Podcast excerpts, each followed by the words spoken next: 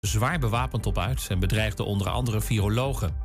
Lilianne Ploemen van de PvdA ziet na een weekend bellen geen beweging bij VVD en CDA als het gaat om het vormen van een nieuwe regering. Er zijn volgens haar meerdere combinaties mogelijk, maar die zijn niet allemaal inhoudelijk verkend. En dat noemt Ploemen na een gesprek met informateur Hamer een politiek zwaktebod. Voor het eerst in bijna 10 maanden is het aantal nieuwe coronabesmettingen onder de 600 uitgekomen. Met 585 gaat het om het laagste aantal sinds 1 september, vlak voor de tweede golf begon. Ook het aantal nieuwe sterfgevallen daalt verder. Afgelopen etmaal werd er één gemeld. En voetbalsupporters moeten zich op het EK uitdossen in regenboogkleuren... als statement tegen de anti-homo-wet in Hongarije. Die oproep doet COC Nederland. DJ Joost van Bellen vindt dat de spelers van het Nederlands elftal zondag mee moeten doen aan de actie. Oranje speelt dan in de Hongaarse hoofdstad Budapest. Het weer nog, wat losse buien en 16 tot 21 graden. Vanavond is het droog, vannacht een graad of 11. Morgen nu en dan zon en een graad of 17. En tot zover het ANP-nieuws.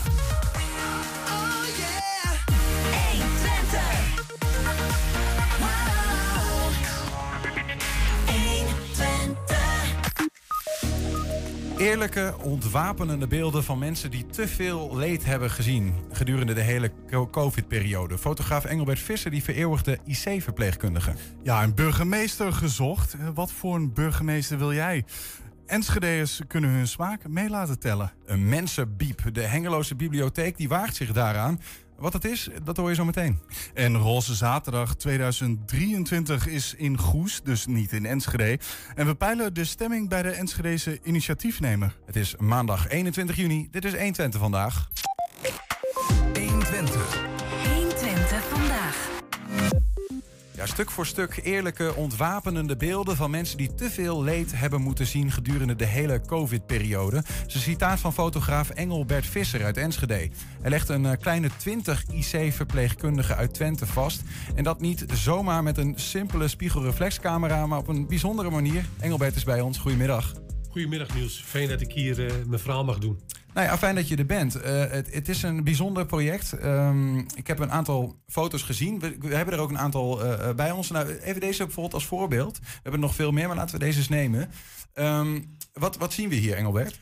Je ziet hier een foto die genomen is op glas. Glas wat lichtgevoelig is gemaakt door een chemisch proces.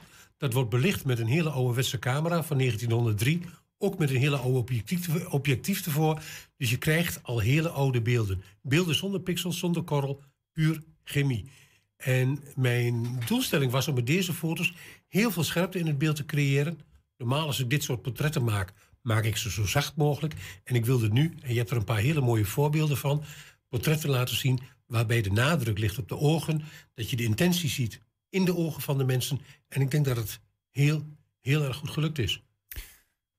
Waarom um, heb je ervoor gekozen om IC-verpleegkundigen te gaan fotograferen? Dat vind ik een hele goede vraag. Je kent allemaal de uitdrukking wel, de ogen zijn de spiegel van de ziel. Nu hebben we voor een paar weken terug hebben we een project gedaan met een losse schaootschap. En daar heb ik mensen in kostuum gefotografeerd. En het was verbazend om te zien dat als iemand in één keer een kostuum aantrekt, aankleedt, zeg maar, dat het meteen die persoon wordt. Nu kwam ik tot de relatie, wat is er nu aan de hand als iemand elke dag geconfronteerd wordt met leed waar jij en ik niet dagelijks meer geconfronteerd worden? Wat zie je dan bij die mensen in de ogen? En ik moet je eerlijk zeggen, als men gaat zitten voor die camera, dan vraag ik ook even: stel je eens even voor een situatie van afgelopen jaar waar je zwaar of diepe gevoelens aan hebt. Dan zie je het veranderen. Dan ga ik ondertussen weg om de plaat gevoelig te maken, want die komt er na de tijd in de camera.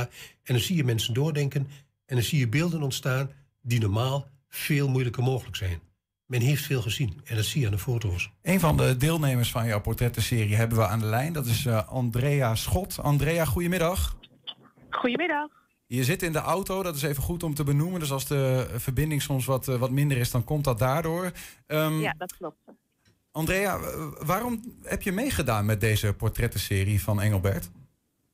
Uh, nou, dat kwam als volgt. Een uh, collega van mij, Madelon Spijkers, die was uh, geattendeerd op deze uh, oproep die Engelbert ik had gedaan op social media. Mm -hmm. En zij had een aantal van haar collega's gevraagd of die het leuk vonden om eh, mee te doen aan deze bijzondere manier van eh, fotografie.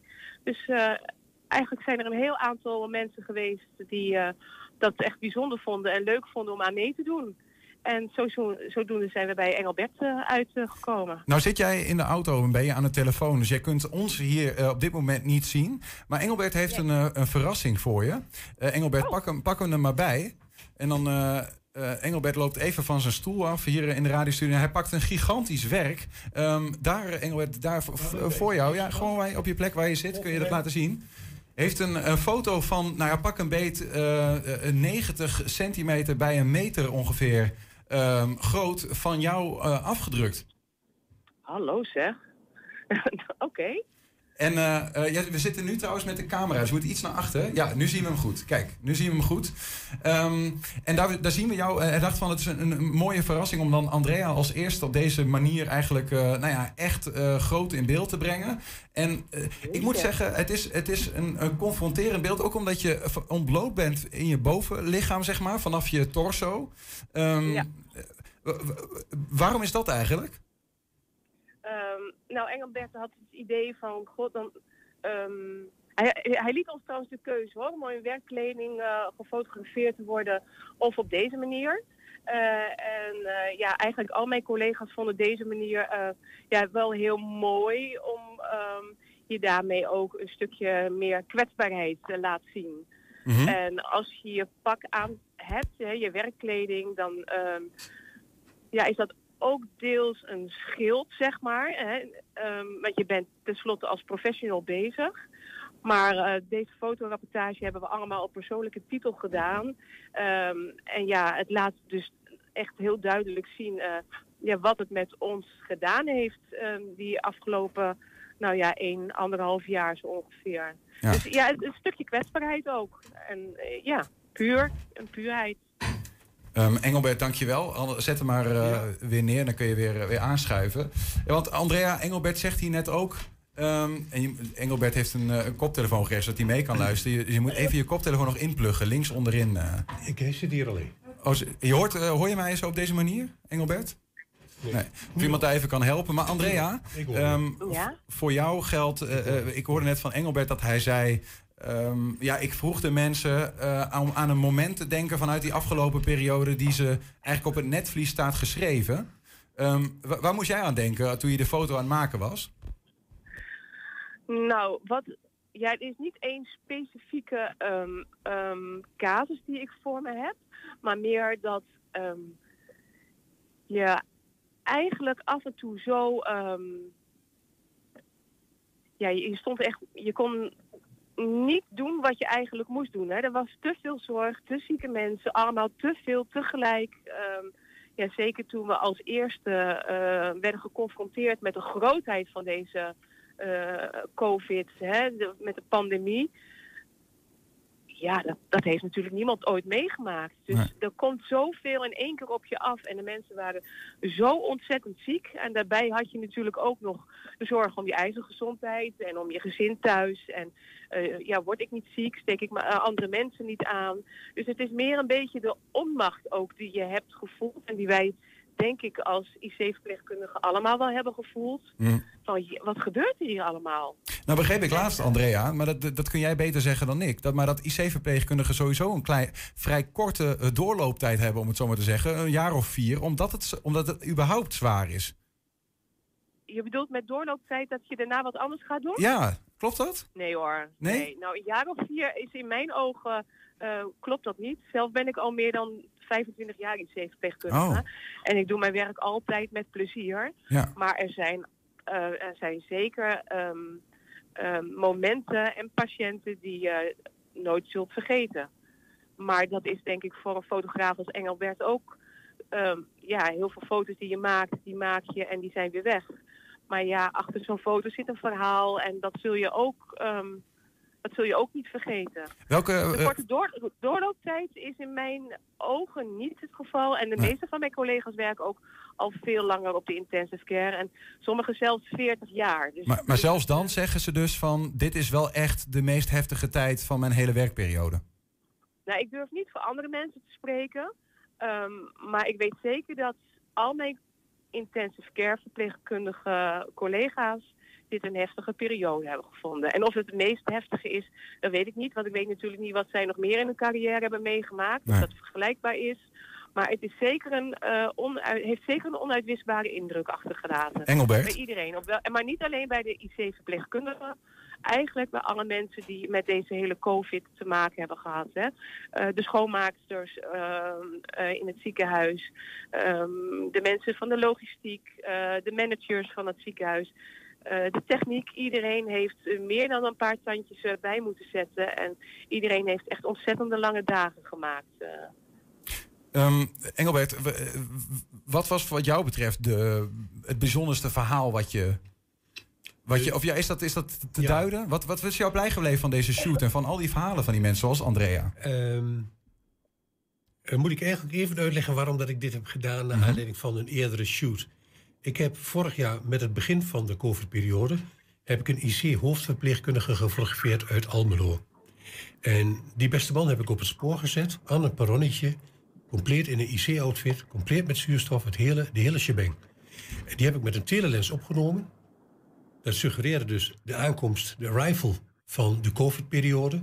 Dan heb ik een foto van hem gemaakt dat hij in de lucht staat, in de frisse lucht staat, tussen de bladeren van de bomen. En de laatste foto, dit is een drieluik geworden. De laatste foto staat hij midden op het spoor, met een fles zuurstof naast zich, met de maskers en de mondmaskers, allemaal in de hand, echt te kijken van, waar gaat het nu naartoe? Dat is een foto die heeft internationaal heel veel betekenis gekregen. Nu was dit eigenlijk de trigger, want ik vind dus nu het einde van de periode. Voor mijn gevoel kan het zijn dat er een derde golf komt. Maar ik vond dat ik daar wat meer moest doen. Ik vond het klappen wat wij met z'n allen hebben gedaan aan het begin. Voor de verpleging vond ik voor mezelf, hoe leuk bedoeld het gebaar ook was, een aanfluiting voor de hele zorg. Eh, mensen doen hun werk, mensen doen hun werk met veel liefde en overgave. En om ze dan af te schepen met een applausje. Ik, alle haren op mijn lijf stonden. Ik denk, hoe kunnen we dat nou doen? Laten we daar eens over nadenken. Laten we zorgen voor meer, meer werkgelegenheid. Laten we zorgen voor fatsoenlijke budgetten. Laten we de mensen eens gaan betalen naar het belang van het werk wat ze doen. En dan staan te klappen. Sorry. We klappen ook niet voor de brandweer en voor de politie. Ook belangrijke broeken, beroepen. En dat stoorde mij zo. Vandaar dat ik dacht van... hé, hey, ik wil een statement maken, want deze foto's blijven honderden jaren goed. Ik weet zelf, als kind heb ik de Hongkong-griep gehad. Voor vele mensen nu een totaal onbekende ziekte. Maar er stierven, jaren 65 was dat zo ik uit mijn hoofd... stierven enorm veel mensen aan in Nederland. Ik denk zelfs in een periode van vijf, zes weken... bijna, ik moet het even nakijken... maar over de 20.000 personen in Nederland. Over alle bevolkingslagen, gezond, overgewicht, maakt niet uit. Men viel om als bosjes. En nu zitten we eigenlijk met een technologie in de ziekenhuizen.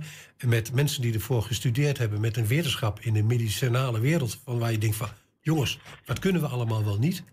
En je ziet gewoon dat we allemaal weer teruggeworpen worden. Op hetgene waar het om draait. Dat is namelijk hulp voor elkaar en hulp en zorg voor een ander. Ja. En ik vind dat die IC, dat, eh, onder andere de IC, maar ook de zorgberoepen in de, in de ouderenzorg en de verzorgingstehuizen, fantastische job hebben gedaan. En ik vind, eh, ik zet ze daarmee in het licht. Het kost mij een kapitaal. Ik heb daar een budget tussen de 5.000 en 8.000 euro voor geres- gereserveerd.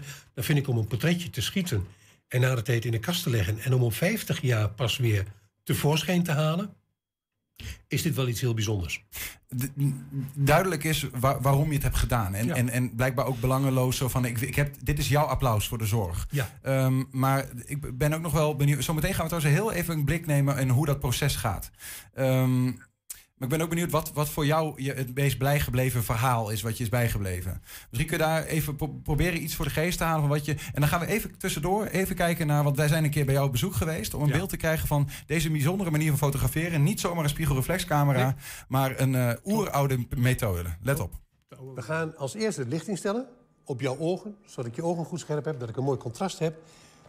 Als we dit hebben gedaan en je hebt je houding gevonden die prettig is ook voor de camera, dan gaan we naar beneden, dan gaan we een gevoelige plaat maken. We gaan daar een plaat, in dit geval een aluminiumplaat met een zwarte, eh, zwarte opdruk, zeg maar. Die gaan we lichtgevoelig maken door een stof op te brengen die heet collodium. Als die stof opgebracht is en is mooi gelijkmatig verdeeld, dan brengen we hem in een zilvernitraatbad. Op dat moment wordt die plaat dus licht, lichtgevoelig. Dat duurt drie minuten. Dan gaat hij eruit in de donkere kamer, onder het gemak van een, klein rood lampje. Dan gaat hij in de cassette en dan kunnen we de feitelijke foto gaan maken. Nou, blijf je kijken. Dan gaan we tellen. 1, 2, 3, 4. Paf. Nou ga ik de lens aan de binnenkant weer afdekken door middel van de eerste schuif. En nu hebben we hier de foto, die gaan we nu ontwikkelen. Dan gaat de plaat eruit. Dan hebben we hier de ontwikkelaar klaarstaan.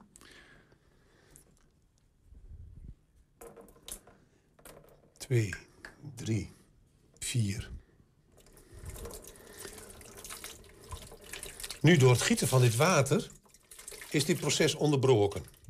Dus hij is niet meer lichtgevoelig. Dan hebben we hier de foto in zijn elementaire vorm. En nu is het proces, nu krijg je dat omkeren van de foto door middel van de chemie.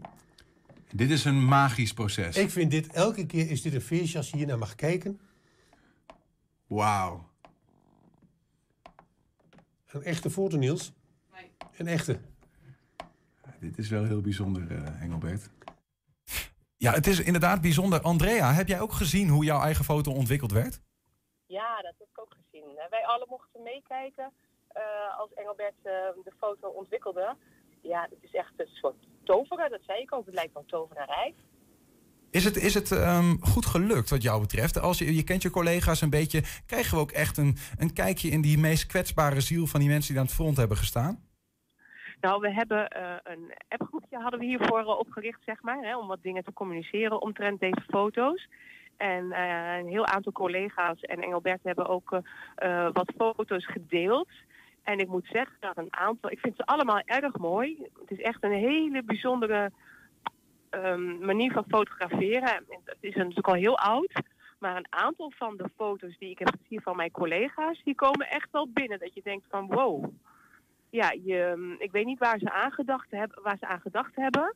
Maar je, ja, ik zie het wel. Ja, Je voelt Ja, eh, de situatie weer als je in hun ogen kijkt. absoluut. Ja, absoluut. Dat heeft hij heel knap gedaan. En mijn collega's ook trouwens. Echt heel knap. Heel mooi. Engelbert, Ja. eh, eh, eh, heb je een situatie die je voor ogen staat nog die is verteld aan jou in die, eh, in die ja, tijd dat je opnam? Ja, jouw vraag ging dus van, laat ze ergens aan denken. Ik heb niet gevraagd waaraan ze op dat moment dachten. De intimiteit van het moment, hou dat bij je. Op het moment dat je het vertelt, krijgt het een andere lading. Dus ik wou hebben dat ze dus gewoon echt dat moment... en je ziet het gewoon aan de ogen, je ziet... Ja, ik lees alles in de ogen. En je ziet gewoon de shit die men mee heeft gemaakt van een patiënt... die in één keer lijkt beter te gaan en het volgende moment er niet meer is.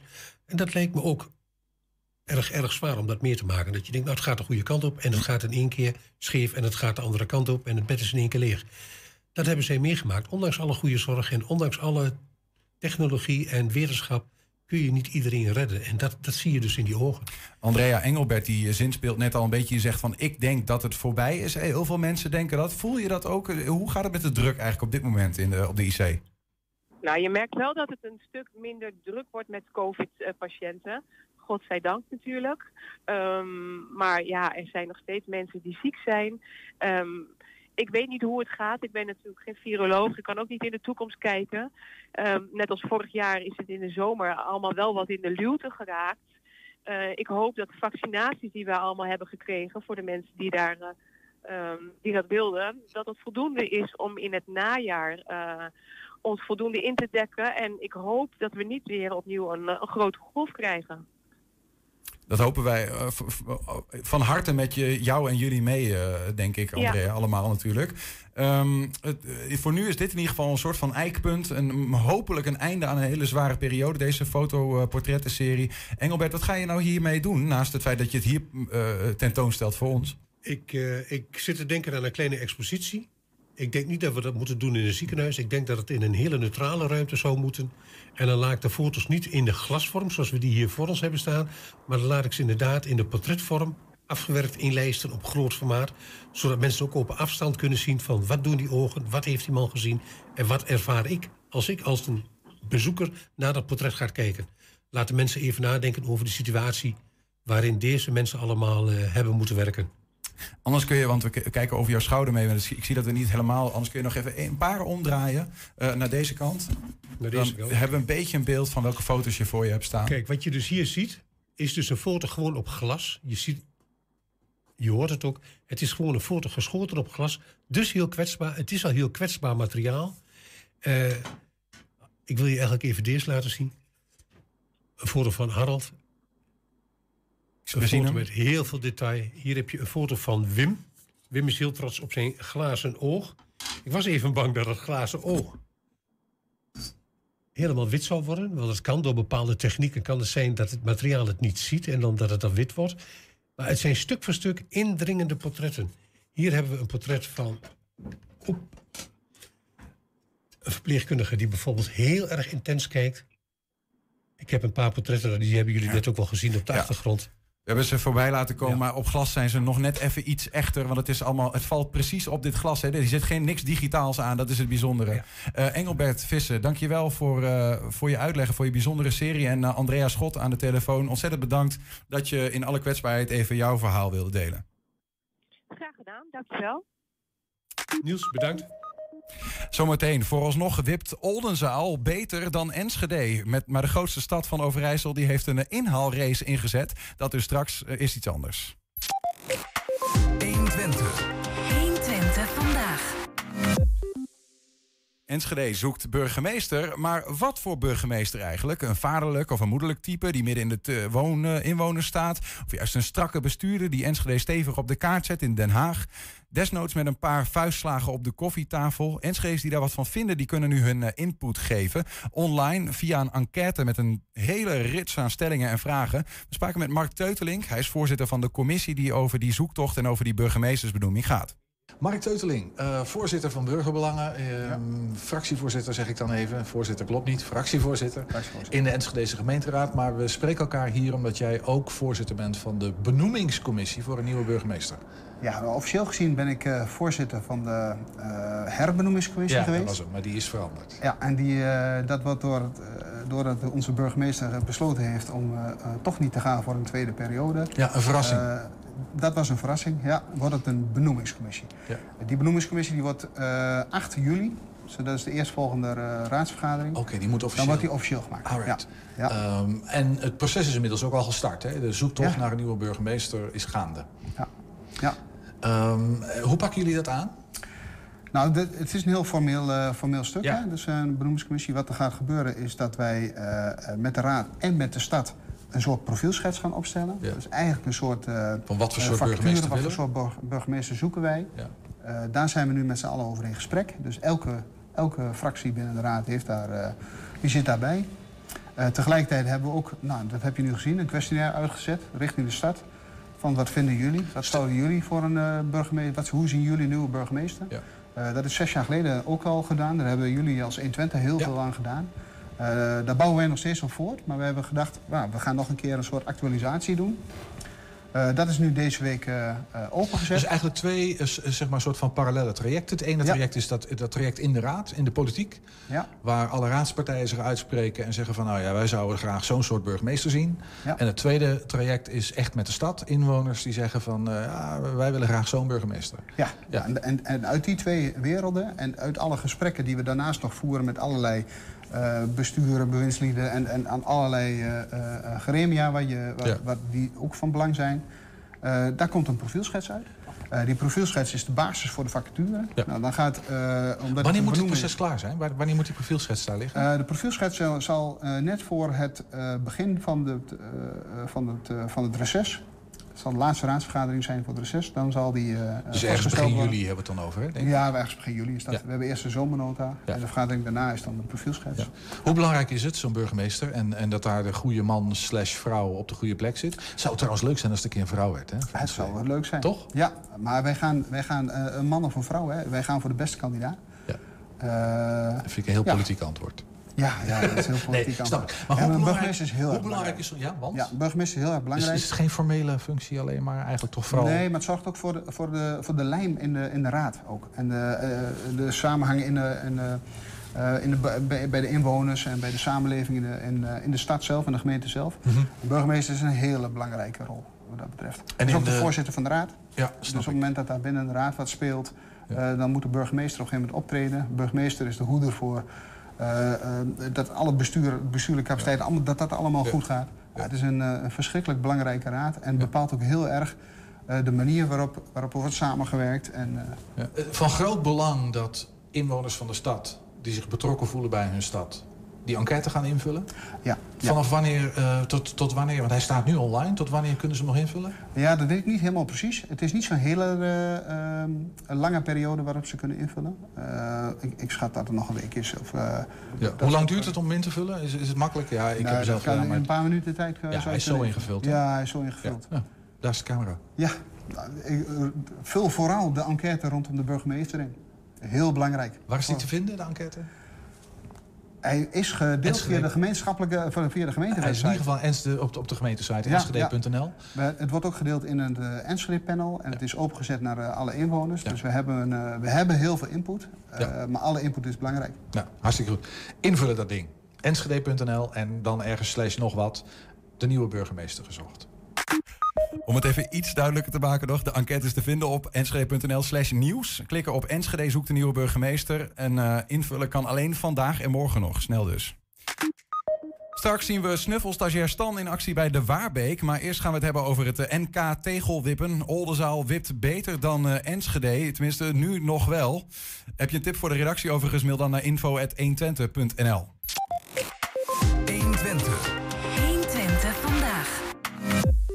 Ja, Enschede staat op achterstand tegen Oldenzaal in het NK tegelwippen. Dat kan natuurlijk niet, dat vindt de gemeente. Daarom wordt nu eh, alles in de strijd gegooid. Lies Rubing van gemeente Enschede is bij ons. Goedemiddag. Goedemiddag. Even de huidige stand, weet je die?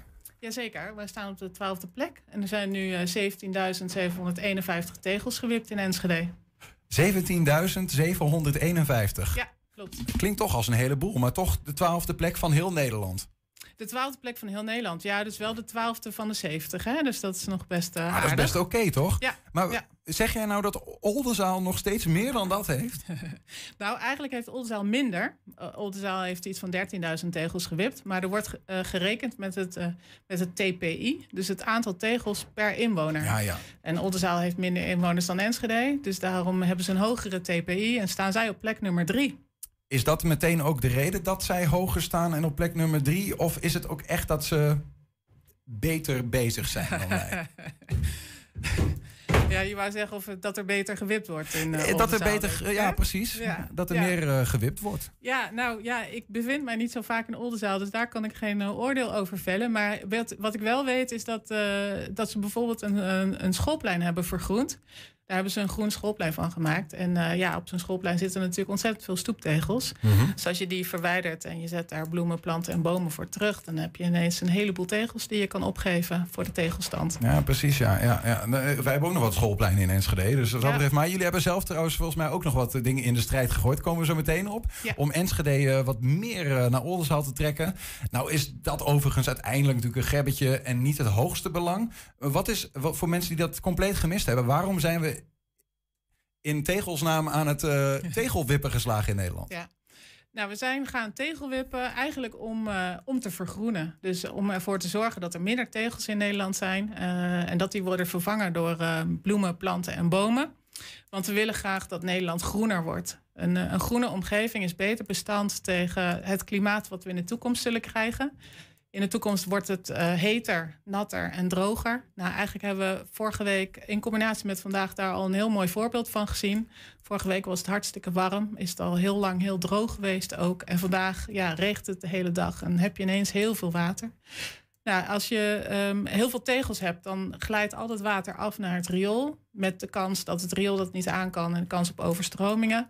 Daarnaast is dat water heel erg nuttig voor de grond. Uh, om de grond uh, niet te laten uitdrogen. Dus je wil eigenlijk gewoon het water opvangen waar het valt. En niet dat het naar het riool verdwijnt. Klinkt ook best logisch ergens. Het is heel logisch, ja. Zeker. Waarom hebben we dan ooit alles volgegooid, zou je ja. bijna zeggen? Goeie vraag. Nou, de keuze is gemaakt en nu zijn we Ja. dus weer alles aan het ontegelen, om het zo maar te zeggen. Ja, groot, daar waar het kan wel. Ja, Ja. en dat doen wij natuurlijk als gemeente Enschede. Dus wij kijken rond of er plaatsen zijn ja, die, zoals wij dat noemen, dan onnodig verhard zijn. Kijken of we daar tegels weg kunnen halen. Maar we doen natuurlijk ook, eh, ja, we, we, vragen ook de inwoner, of we eigenlijk attenderen we de inwoner erop dat hij dat zelf ook kan doen. Je noemde al hè, de water uh, die, die beter gewoon in de grond kan trekken als er geen tegels liggen. Uh, ook die hitte is ook echt een ding hè? in Enschede, hittestress tegengaan. En je hebt daar wat bijzondere foto's van meegenomen. Ja, um, wat, wat zien we hier? Ja, dat is mijn uh, collega. Die heeft een, uh, een warmtemeter gekocht. En uh, die meet hier de warmte van ja, boven tegels. Dus bo of ja, tegels, maar boven verharding. En dan zie je dat het boven de verharding heeft hij vorige week gemeten. Toen was het buiten, dus ja, wat was het? 28 graden. Boven die verharding is het dan 50 graden. 50 graden? 50 graden, ja. Dus en vervolgens, ik weet niet, ja, vervolgens heeft hij gemeten boven gras in de schaduw. En daar is het 25 graden of 26 26. graden. Op hetzelfde punt, maar iets verderop op het gras. Ja, nou ja, ja, ja, volgens mij wel. Volgens mij is het gewoon bij hem in de tuin. Ja. Maar je ziet dus het enorme verschil tussen uh, verharding, de stenen, die, die die warmte vasthouden. Wat heel fijn is in de winter, maar een beetje onhandig uh, in de zomer en zeker tijdens een hittegolf. Mm -hmm. uh, en uh, een omgeving waar uh, gras op de, op de bodem staat en schaduw van een, een boom is of schaduw van planten is. En ja. eigenlijk met name die schaduw is het allerbelangrijkste. Want als je uh, geen schaduw had en alleen het gras, dan was het ongeveer 39 graden geweest. Bijzonder. De, alleen dat is al een reden. We hebben ook nog een, een, een voor en een na van een eh, straat. Ik weet niet of we die kunnen laten zien. Maar eventjes om te laten zien van ja, hoe ziet dat er dan uit voordat er is gewipt en nadat er is gewipt. Mm -hmm. Maar we hebben daar mogelijk ook wel een voorstelling bij. De, de vraag die bij mij bijna oprijst is, ja, waarom zou je het niet doen? Ja, ik wil geen reclamepraatje houden, omdat ik toch objectief moet blijven. Hier is het, het voor in ja. een straat in Enschede. En ja. dan hebben we op het moment dat er, uh, dat er plantjes in staan, ziet er ook nog mooi uit. Ja, um, ziet er veel mooier uit, veel aantrekkelijker. En dit is dan een voorbeeld van een geveltuin. Uh, sommige mensen hebben geen voortuin, uh, maar die kunnen dan toch iets doen aan de voorkant van een huis in de vorm van een geveltuin. Als er voldoende stoep overblijft, mag je dus een aantal stoeptegels weghalen. Wat is voldoende? Hoeveel moet er overblijven? Uh, volgens mij anderhalve meter. Maar dat staat allemaal op uh, groenblauwenschede.nl slash zo groen. Daar staan alle voorbeelden. En je kan ook altijd terecht bij de stadsdeelbeheerder. Mm -hmm. Maar weet je, heb jij om advocaat van de duivel ja. te spelen een idee waarom sommige mensen zeggen... Ja, ik vind het hartstikke leuk, maar mij niet gezien? Ja, nou, Um, ik denk uh, dat um, mensen voor een onderhoudsvrije tuin hebben gekozen. He, dat is denk ik de stap één. Door hem bijvoorbeeld helemaal te betegelen. Dus één groot terras ervan te maken. Mijn planten gaan altijd dood, dus ik kan ze maar beter niet hebben. Precies. Of je zet een paar potten neer met wat dingen erin. Of wat je tegenwoordig ook veel ziet, is zo'n grote grindbak. Uh, dus gewoon heel veel grind uh, op, op de bodem. En dan een paar grote plantenbakken erop. Um, en dan denken ze dat dat onderhoudsvrij is. Mm -hmm. Nou ja, dat, dat is natuurlijk ook zo. Alhoewel onkruid zijn weg ook wel vindt tussen de tegels en tussen het grind. Um, maar ja, daarmee creëer je wel een ontzettend warme plek bij je huis. En dat is natuurlijk heel vervelend. En eigenlijk uh, ja, zou je zeggen van nou, als je al de helft uh, weghaalt, de helft van de tegels en het, of het grind weghaalt en je zet daar planten en bomen in, dan uh, heb je al die verkoelende werking door de verdamping van die planten en je hebt ja. de verkoelende werking van de schaduw. En dan wordt het ineens een stuk aangenamer rondom je huis. Nou helpt dit uh, praatje misschien een beetje om mensen mm -hmm. over de streep te trekken. Ja.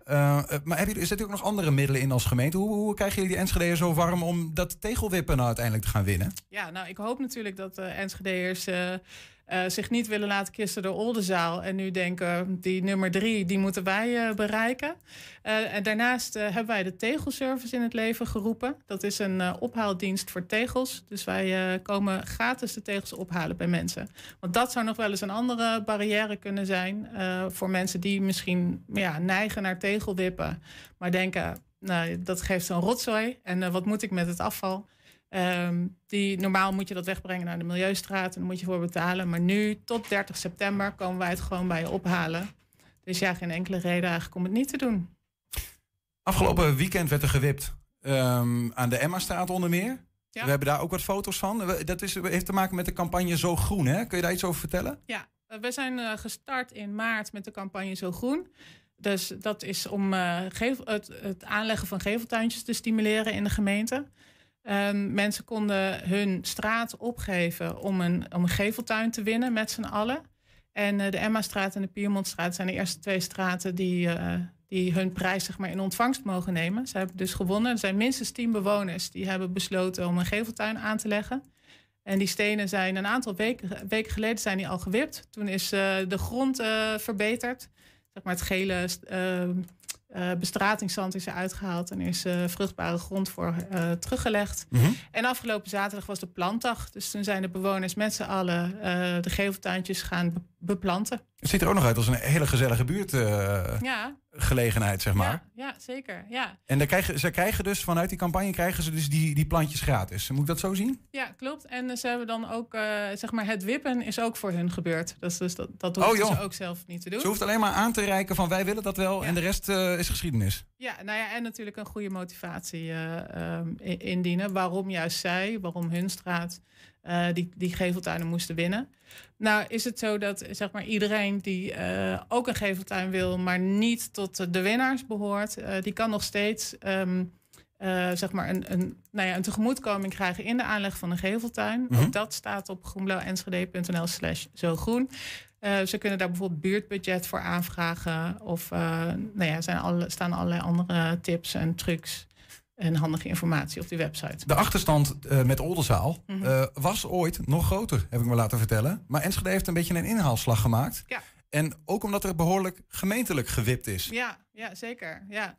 Uh, klopt, aan de Stadsbeek hebben wij veel gewipt. En daar zijn heel veel te tegels verdwenen. Daar is dus een mooie beek voor in de plaats gekomen. in de Elfringsweg met, met een mooi taluut, wat natuurlijk helemaal groen is en waar bomen geplant worden. Uh, aan de kanaaljuffer um, is uh, een heel grote. dat is dan zo'n voorbeeld van onnodige verharding. Dat was een hele grote stoep. En er stonden schanskorven. Nou, die hebben we weggehaald. De stoep is gewoon een mooie brede stoep geworden. Maar de rest, daar is een uh, grote wadi aangelegd. die water op kan vangen als het heel erg hard regent. en er zijn veel meer bloemen en planten neergezet. Ja, en dan, nou ja, die twee bij elkaar bijvoorbeeld, dat is al al iets van 13.000 tegels. Dat is een waanzinnig uh, gewipt. Maar er mag ja. nog meer gewipt worden in Enschede. Zeker, ja, en dat stimuleren we graag. Groenblauwenschede.nl of nktegelwippen.nl. Ga even kijken voor meer informatie. Lise Rubing, dank voor de uitleg en heel veel succes om dit. Uiteindelijk moeten we dit gewoon gaan winnen met Enschede natuurlijk. Ja, dat hoop ik wel, ja. ja. Bedankt. Dankjewel. Een mensenbiep, ooit van gehoord? Ja, wij ook niet. Kun je daar eigenlijk mensen lenen? Waarvoor dan? En mag dat zomaar? Of is het iets heel anders? Ingeborg Wind en Peter van Maren die praten ons zo meteen bij. Maar eerst naar wat anders. Ja, en heb je tip voor de redactie? Dat mag je mailen naar 120. of info@120.nl. 120. 120 Ja, tijd voor het vierde en laatste deel van onze serie meelopers.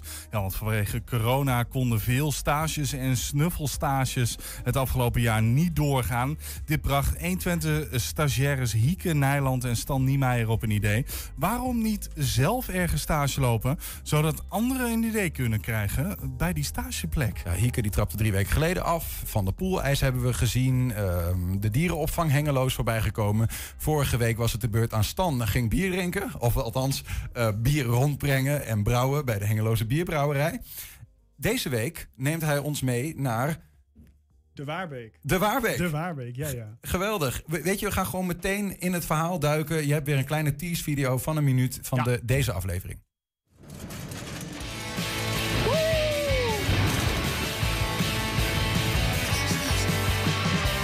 We zijn hier vandaag bij uh, attractiepark De Waarbeek. Uh, een van de oudste pretparken van Nederland.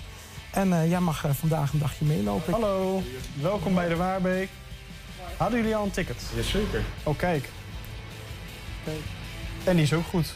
Nou, Stan, dan staan we dan bij de Rodelbaan. De Dit is uh, de oudste stalen achtbaan van Europa en misschien wel ter wereld. Dus dit is dan echt wel... Uh, ja, die moet je natuurlijk in ieder geval... daar moet je in hebben gezeten. En die moet je ook gewoon echt bediend hebben. En even bediend hebben, inderdaad. Dus nou, komt-ie. Hou je ja, vast. Ik ben er klaar voor. Veel plezier. Oh, daar gaan we.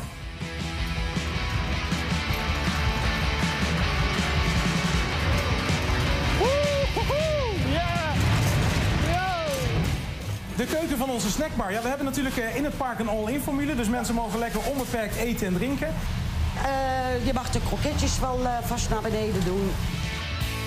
Uit.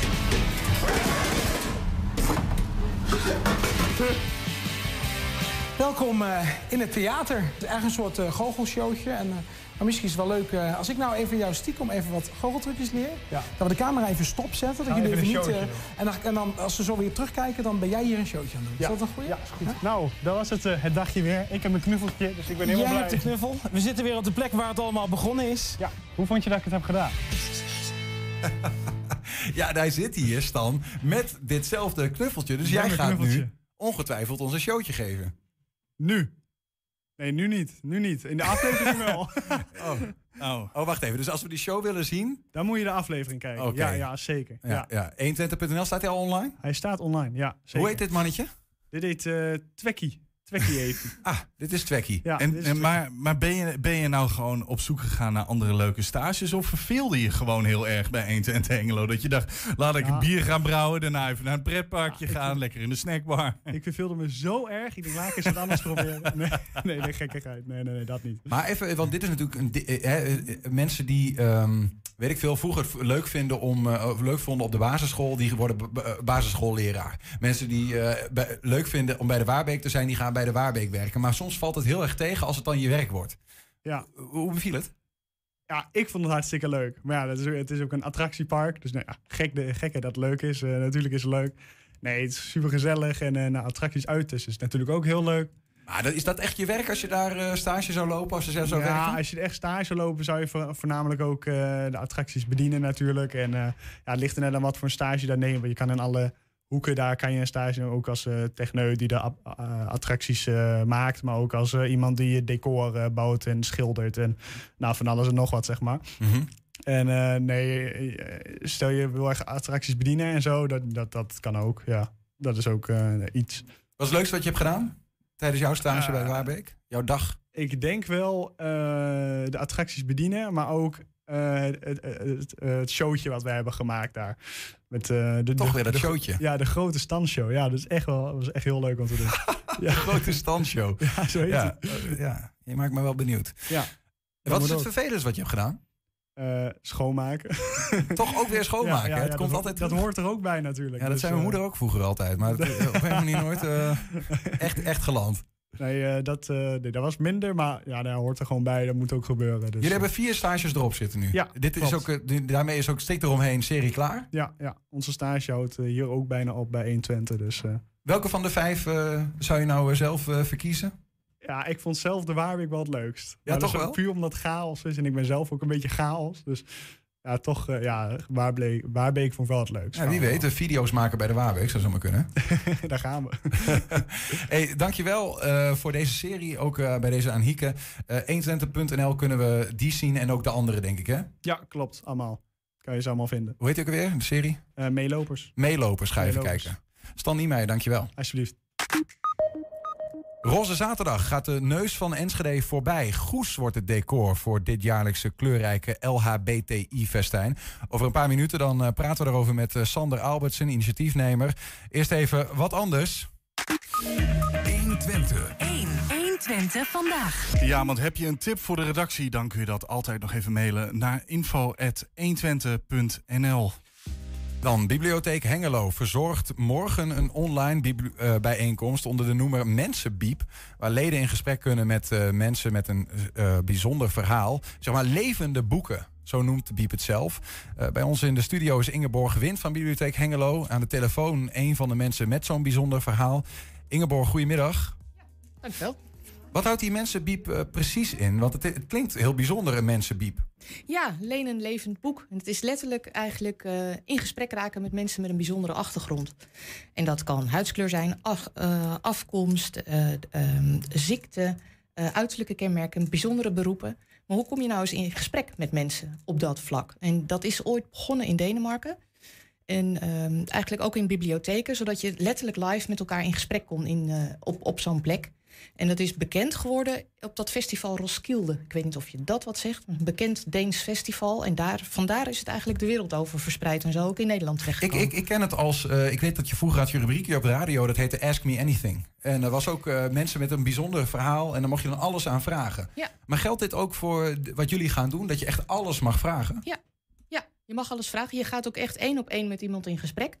Dus dat is heel eh, een veilige omgeving, zeg maar. In dit geval doen we het zelfs online, omdat het eh, nog coronaproof moest. Normaal gesproken kan het ook live op plekken. Maar in dit geval doen we dat online. Dus je kunt één op één met iemand in gesprek. Het een gesprek duurt ongeveer 20 minuten en je mag alles vragen. Een van de sprekers eh, is de Amsterdamse oud-leraar Peter van Maren. Hij hangt aan de lijn. Peter, goedemiddag. Ja, goedemiddag. Voor we met je gaan praten, eerst even een hele korte video waarin jij zelf eh, aan het woord komt. Nou, oké. Als leerling met allerlei culturele achtergrond voor het eerst hoorde... Dus de eerste les was fantastisch, de tweede les verschrikkelijk. Als de leerlingen hadden gehoord van andere leerlingen kantine... heb je les van die man, dat is een homo. Dat was de haat. En op een gegeven moment één klas, een van mijn laatste klassen... op een gegeven moment echt, die haat was zo groot. En op een gegeven moment... eh, ik, eh, ik, wil, ik, vroeg iets aan een van de jongens achter en eh zei je moet je bek houden, homo. En toen deed ik mijn armen omhoog. Toen zei ik, jongens, alles wat jullie over mij denken is waar. Dus toen eh, zei die achterste jongen eh, ben je Iep? Nee, dat betekent eh, flikker. Ik zei, ja, ik ben Ipne, ik ben een Zemmel, ik ben een Boeler, ik ben een Gomang... ik ben een Koeni, Koena, Pidar, Pedder, dat ben ik allemaal.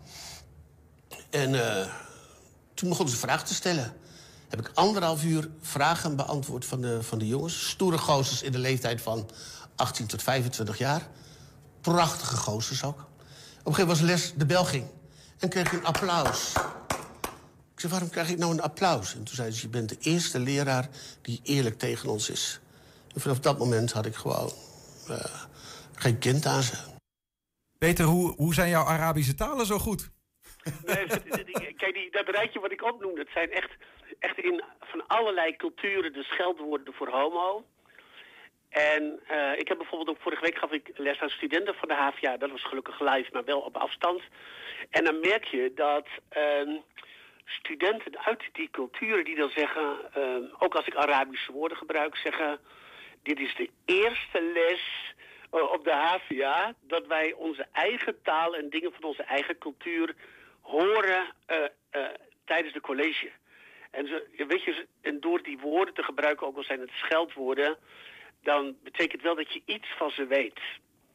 En dat maakt altijd enorm veel indruk. Wat, wat, wat, mij aansprak in dit kleine promo-stukje alleen al, is dat je op een gegeven moment gooi je handen in de lucht, kijk je naar de hemel. En ik, moet zeggen, mijn tranen stonden op dat moment in mijn ogen toen ik, omdat ik dacht, hij, hij gaat op dat moment zeggen, ehm, jongens, ik, wat kan ik eraan doen? Weet je, zo van, alsof je aangevallen wordt van "Maar waar val je me eigenlijk op aan? Bijna dat. Terwijl eh, wat je eigenlijk doet op dat moment is zeggen van, ehm, dit is wie ik ben, weet je wel? Dus de, de keuze die je maakt op dat moment om juist te zeggen van, ja, ik ben een, even oneerbiedig gezegd, een flikker. En vraag me alles maar. Waarom heb je die op dat moment gemaakt? Weet je dat van jezelf? Nee, ik, ik, ik, ik, werkte altijd met, met jongeren, laten we zeggen, eh, op de beroepsbegeleidende leerweg, die allemaal onderwijs niet verschrikkelijk leuk vonden. Dus ik koos voor die groepen met jongeren, laten we zeggen, met gedragsissues.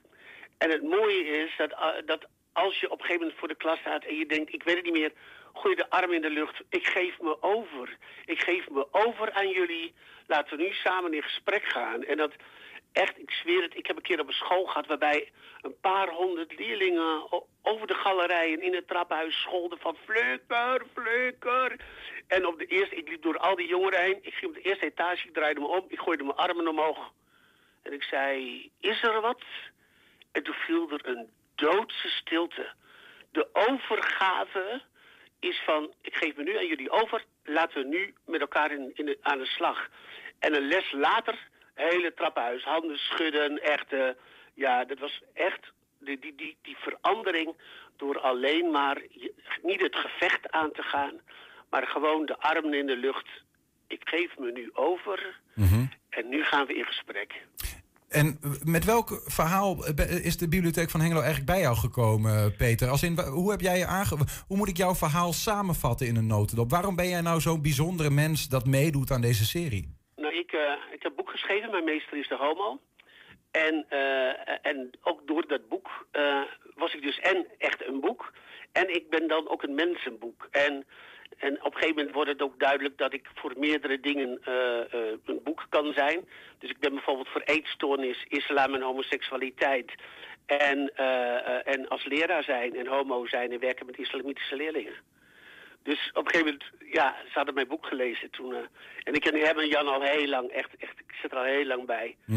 En ik merk vooral dat door deze gesprekken met mensen, dat het zo voor mensen eh, diep en intens is dat ze altijd eh, met een indrukwekkend gevoel uit zo'n gesprek stappen. Ingeborg, ehm, Peter is een van de voorbeelden. Ja. Heb je, heb je welke voorbeelden, welke mensen, want hij is niet de enige die ehm, nou ja, meedoet als menselijk boek? Nee, dat klopt. We hebben meer onderwerpen. Je kunt kiezen, dat klinkt een beetje gek, uit twee tra- transgenders bijvoorbeeld. Eh, uit een kunstenaar die ook manisch-depressief is. Ehm, we hebben een bijzondere vrouw die ook vluchteling is, maar wel aan topsport doet hier in Nederland. Ehm, iemand over hoe het is om blind te zijn. Ehm, iemand die het heeft over autisme, dus die je daar van alles over kunt vragen. En wat ik zelf ook wel een hele mooie vind, is eenzaamheid en jongeren. En dan zit je ook vanuit de BIEB natuurlijk altijd naar te zoeken van je wil tegenwoordig tegen eenzaamheid van alles doen. De bibliotheek is daar ook een hele mooie plek voor. Maar hoe bereik je die mensen dan eigenlijk en hoe doe je dat? Dus daar ga ik zelf ook mee in gesprek, wil ik wel eens weten. Wat kunnen wij daar als bibliotheek dan ook aan doen? Of om daar iets mee te doen. Ehm, er is een bijzonder echtpaar wat praat over onderduiken in de Tweede Wereldoorlog. En Joods zijn en ehm, eh, de- nou ja, de, hoe dat dan nu is. En de laatste, dat vind ik ook wel een hele bijzondere, want die krijg je niet zo vaak te pakken. Dat is iemand die woont in een woonwagen. Dus daar kun je ook. Dus het is heel divers. Ja, terwijl de woonwagenkampen die zijn eh, in de buurt. Dus je zou zo eens langs kunnen gaan. Maar het- is Maar dit... dat doe je niet zo gauw. Nou ja, dat is, me- dat, is, dat is zeker waar. Eh, dat is ook een beetje gek om daar aan te komen en te zeggen van... nou, mag ik jullie eens wat vragen over jullie... eh, Ding dong. Ehm, maar dat kan in dit geval wel. Hoe eigenlijk? Want het is natuurlijk nog eh, coronatijd. Eh, eh, hebben jullie daar een veilige setting voor gecreëerd? Hoe werkt dit? Ja, nou deze is online, dus dat is heel makkelijk. Je kunt naar mensenbiep.nl gaan en dan onder agenda's vind je deze avond in Hengelo, dus, dus morgenavond. En je logt van, of je moet van tevoren even aanmelden, want dan geef je ook aan met wie jij in gesprek wil. Dus dat, dat kun je op dat moment kiezen bij het aanmelden. En dat, dat kan eigenlijk iedereen dus. eh, Iedereen kan, de, kan erbij. Ja. En dan kun je zomaar eh, eh, Peter eh, gaan spreken. Ja. Peter, welke vraag zou je eigenlijk niet willen krijgen? Ik, ik, ik, ik wil gewoon alle vragen. Dat is het mooie van de mensenbiep. Weet je, alle vragen. Het, het- weet je, wat mij zo verbaasde altijd. Is dat bijvoorbeeld ook als het gaat om homoseksualiteit. Dat mensen mij zien soms als een winkeltocht. Van ja, we zijn toch eigenlijk klaar met een hele homoseksualiteitsissue. En dan gaan ze in gesprek. En dan, oh, weet je. Er komen zoveel dingen aan de orde. Dus, oh, we dachten dat alles al geaccepteerd was. En eh, dank voor dit gesprek. En dan, want juist door eh, de dingen die je denkt van tevoren, kun je alles vragen om daarna alles weer op een rijtje te krijgen. En dan is er eigenlijk een verademing voor bijna alle mensen. Mooi, hè? Het is, eh, ik vind het een ontzettend eh, bijzonder initiatief. Ehm, hoe, hoe, hoe- wat heeft je eigenlijk bewogen om uiteindelijk dit te gaan doen? Voor mij in, voor in de bibliotheek bedoel je Ja. of Peter? Nee, voor, ja, wij vonden. De bibliotheek is tegenwoordig ook een plek waar je. Kijk, vroeger kon je de boeken halen en eh, kon je de kennis komen halen, letterlijk. Tegenwoordig gebeurt daar veel meer. En worden er heel veel verbindingen gelegd in de samenleving. Het is een hele laagdrempelige plek waar mensen makkelijk binnenstappen. En dan is het zo mooi om dit te kunnen programmeren, zodat je ook letterlijk verbindingen gaat leggen en contacten legt tussen mensen. Het is echt bibliotheek 2.0. In mijn, hè, want de boeken worden soms als al wat stoffen gezien hè, door de mensen van mijn generatie en iets daarvoor. Ja. Eh, dit is echt weer menselijke contact. Ja. Ehm, eh, Peter? Als je, eh, ik heb begrepen dat je nu geen leraar meer bent. Nee, ik, ik geef eh, eh, ehm, eh, op vrijwillige basis en soms voor de boekenbond geef ik van basisschool tot en met universiteit culturele, religieuze en seksuele diversiteit met als specialisme islam en seksualiteit, waarbij dan ook islam en homoseksualiteit uitgebreid aan de orde komt. En ik ga in mijn buurt, ik woon in Diamantbuurt in Amsterdam en wonen heel veel moslims. Ik ga op vrijdag naar de moskee en de, de mensen weten dat ik, eh, dat ik homo ben, maar ik ga ook naar de moskee op vrijdag. Vooral vanwege de ontmoetingen. En daarmee is er altijd opening in een gesprek. Dus ik ben leraar eigenlijk en gewoon in mijn buurt. En ik ben leraar, maar dan op vrijwillige basis eh, eh, met culturele, religieuze en seksuele diversiteit. Ja, fantastisch. Veel activiteiten, eh, Ingeborg, in de Biep, die hangen deze maanden onder het, het thema kleurrijk. Eh, dit is een van die activiteiten. Eh, Ja, zijn er nog een aantal andere te noemen? Ja, er zijn eh, twee hele mooie exposities te bekijken. Eén is een bijzondere, die is gemaakt door kunstenaars die in het eh, eh, asielzoekerscentrum zitten in Hengelo. Die afwachten op hun verblijfsvergunning. En die hebben we gevraagd van wat is jouw beeld van Hengelo? Dus die zijn op pad geweest, hebben foto's gemaakt van hun beeld van Hengelo. Dus die expositie is te zien. En er is een hele mooie expositie te zien op de ramen van de bibliotheek. Dat zijn ook foto's in het thema kleurrijk met hele mooie gedichten die daar speciaal bij zijn geschreven. Kijk, en dit is de Mensenbiep. Nog heel even alles op een rijtje. Wanneer is dit? Morgenavond vanaf half acht. Je kunt je aanmelden op mensenbiep.nl en dan onder agenda. En daar kun je gewoon aanmelden wie je wil spreken. En de rest wijst zich dan vanzelf. Ingeborg Wind van eh, Bibliotheek Hengelo en eh, Peter van Maren via de telefoon. Dank jullie wel. En heel veel succes en plezier morgenavond. Ja, dankjewel. Ja, fijne middag nog. Fijne middag. Dankjewel. Heb je een eh, tip voor de redactie? Geef het even door. info.120.nl 120. 1. 120 vandaag. Ja, niet Enschede, maar Goes wordt de thuishaven voor Roze Zaterdag 2023. Het Bulkenweg, Bulken Open Air dus ook. Geen Roze Zaterdag met hossende LHBTI'ers rond de Oude Kerk. Wat moet dat worden met geregenboogstad Enschede? Aan de lijn is Sander Albertsen, initiatiefnemer van die Enschedeze Roze Zaterdag 2023. Sander, goedemiddag. Goedemiddag. Is een tegenvaller, lijkt me. Ja, het is een ontzettende tegenvaller. Eh, we hebben eh, eh, afgelopen zaterdag ook wel een heel klein beetje gevloekt toen we hoorden dat we niet werden. Maar we hebben het netjes gehouden. Hoe kan dit nou? Want jullie hebben al zo'n mooi bidboek gemaakt. ja, klopt. Bitboek was, was super. We hebben ook een presentatie gehouden van het Bitboek die heel goed verlopen is. En ik denk ook niet zozeer dat het aan het Bitboek ligt, maar dat ze ook gekeken hebben naar de regio en eh, ja, waar het het hardst nodig is, denk ik. En eh, dat eh, bleek wel een beetje in de presentatie die ze gaven af, afgelopen zaterdag, dat dat wel eh, heel erg meespeelt. Vertel eens, want, want dat zegt twee dingen. Of het zegt, het zegt mogelijk twee dingen. Eén is dat het in Enschede relatief goed gaat ten opzichte van Goes. Maar de tweede zegt dus dat het in Goes niet zo goed gaat.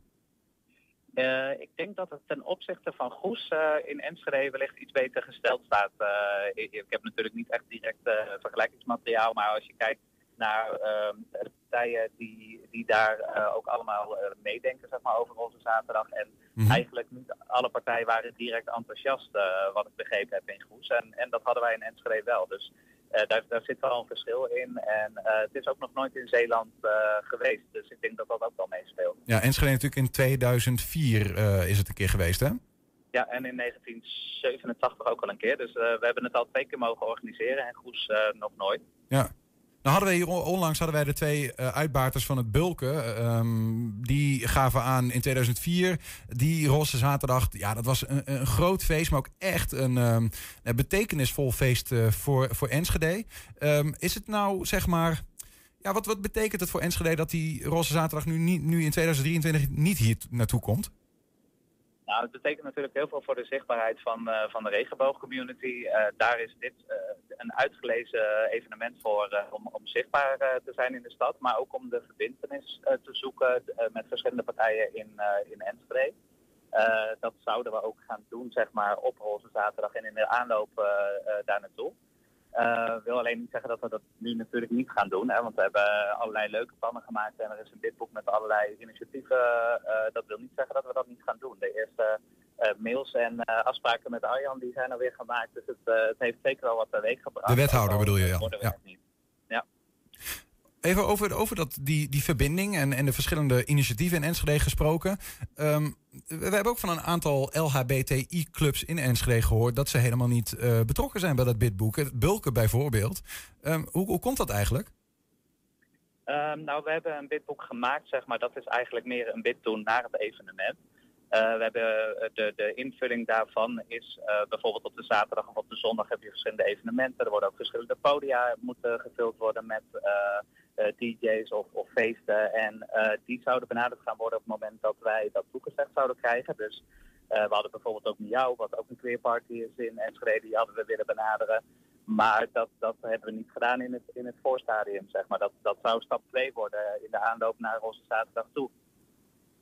Oké, want dat zijn toch wel, dat zijn wel, je noemt dan eh, twee clubs eh, die wel een betekenisvolle rol hebben als het gaat om LHBTI in Enschede. Toch? Ergens is het, ik, wij misten ze wel. Begrijp je dat? In het bidboek bedoel je? Ja. maar in principe staan er verder nog geen, geen inhoudelijke eh, feesten en partijen die daarbij betrokken zouden worden, zijn daar nog niet in opgenomen. Maar ik kan me voorstellen dat dat in een bid eh, mist. Maar uiteindelijk eh, gaat het dan om de uitvoering. Daar worden die partijen wel benaderd en gevraagd of zij daar natuurlijk een onderdeel van willen zijn. Dus daar, daar- dat zeker. Precies, was, het was in, de, in de voorbereiding hebben zij ze niet meegenomen. Uiteindelijk zouden ze in de uitvoering zeker een rol hebben gespeeld.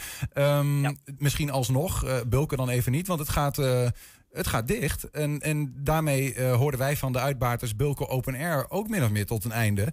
Ehm, ja, wat blijft er dan nog over, Sander? Hoe, hoe gaan we dan zorgen dat Enschede die regenboogstad blijft? Ja, als je kijkt eh, naar de, het aanbod van LHBTI-gelegenheden in Enschede, wordt dat natuurlijk eh, heel klein. We hebben eigenlijk alleen eh, Café Stonewall eh, nog, eh, nog over wat dat betreft. Ehm, ik weet eh, uit eh, betrouwbare bron dat eh, dat gewoon blijft bestaan en dat, eh, dat eh, Café Stonewall zich echt blijft inzetten voor de community. Ehm, ja, het het- het- de spoeling wordt een beetje wat, eh, wat dunner in Enschede. Dus we gaan gewoon kijken of we met eh, de regenboogdagen die we altijd gepland hebben in oktober... eh, of, of we daar gewoon echt veel grotere evenementen van eh, kunnen gaan maken. En eh, wat we ook van plan waren is met, met bijvoorbeeld het LHBTI-monument in Enschede... een regenboogzebrapad, echt voor de zichtbaarheid... ja, die zaken die worden ook wel gewoon verder opgepakt. Dus de afspraak met de Arjan die staat al. Mhm. Gaan we echt verder mee, want we hebben zulke leuke initiatieven en samenwerkingsverbanden ja, bedacht. Er zijn ook wel heel veel partijen die elkaar nu weer gevonden hebben. Dus we gaan daar gewoon mee verder, zodat ja, we eh, zichtbaar blijven in de stad en misschien meer initiatieven gaan ontstaan. Duidelijk verhaal, eh, Sander. Het, nou duurt het nog even 2023, maar tot slot, ga jij zelf naar Goes? Ik ga sowieso naar Goes, ja, ja, zeker. Ik wil wel even kijken wat, wat zij ervan gemaakt hebben natuurlijk. En eh, het zal zeker ongetwijfeld een heel mooi feest worden in Goes. Of het terecht was dat ze hem gewonnen hebben? Nou, dat niet. Sowieso waren wij de beste. Maar ik denk dat, eh, dat we gewoon gekozen hebben voor... eh, ja, nou goed, ze hebben gewoon gekozen voor die regio. Wij hebben het al twee keer gedaan. Dus Sander Albertsen, initiatiefnemer voor Rosse Zaterdag 2023. Moet nog voor nu nog even zijn wonden likken. Maar eh, wie weet volgende keer beter, Sander. ja, dankjewel. We gaan ervoor. Dankjewel. Oké, fijne middag. Tot zover 120 vandaag. Terugkijken kan direct via 120.nl. Vanavond om 8 en 10 uur op televisie. Zometeen hier 120 kleurt de horeca oranje met live in de studio Henk Ketting. Terwijl Julian snel een sprintje richting de binnenstad trekt... kun jij om eh 6 uur stipt genieten van Nederland-Noord-Macedonië met Twents commentaar. Wij zijn er morgen. 120. Weet wat er speelt in Twente. Met nu het nieuws van 4 uur. Goedemiddag, ik ben Robert-Jan Knook. Het laatste wapen van de Belgische militair Jurgen Konings is gevonden. Het is een machinegeweer. En de situatie is nu weer veilig, zeggen de Belgen.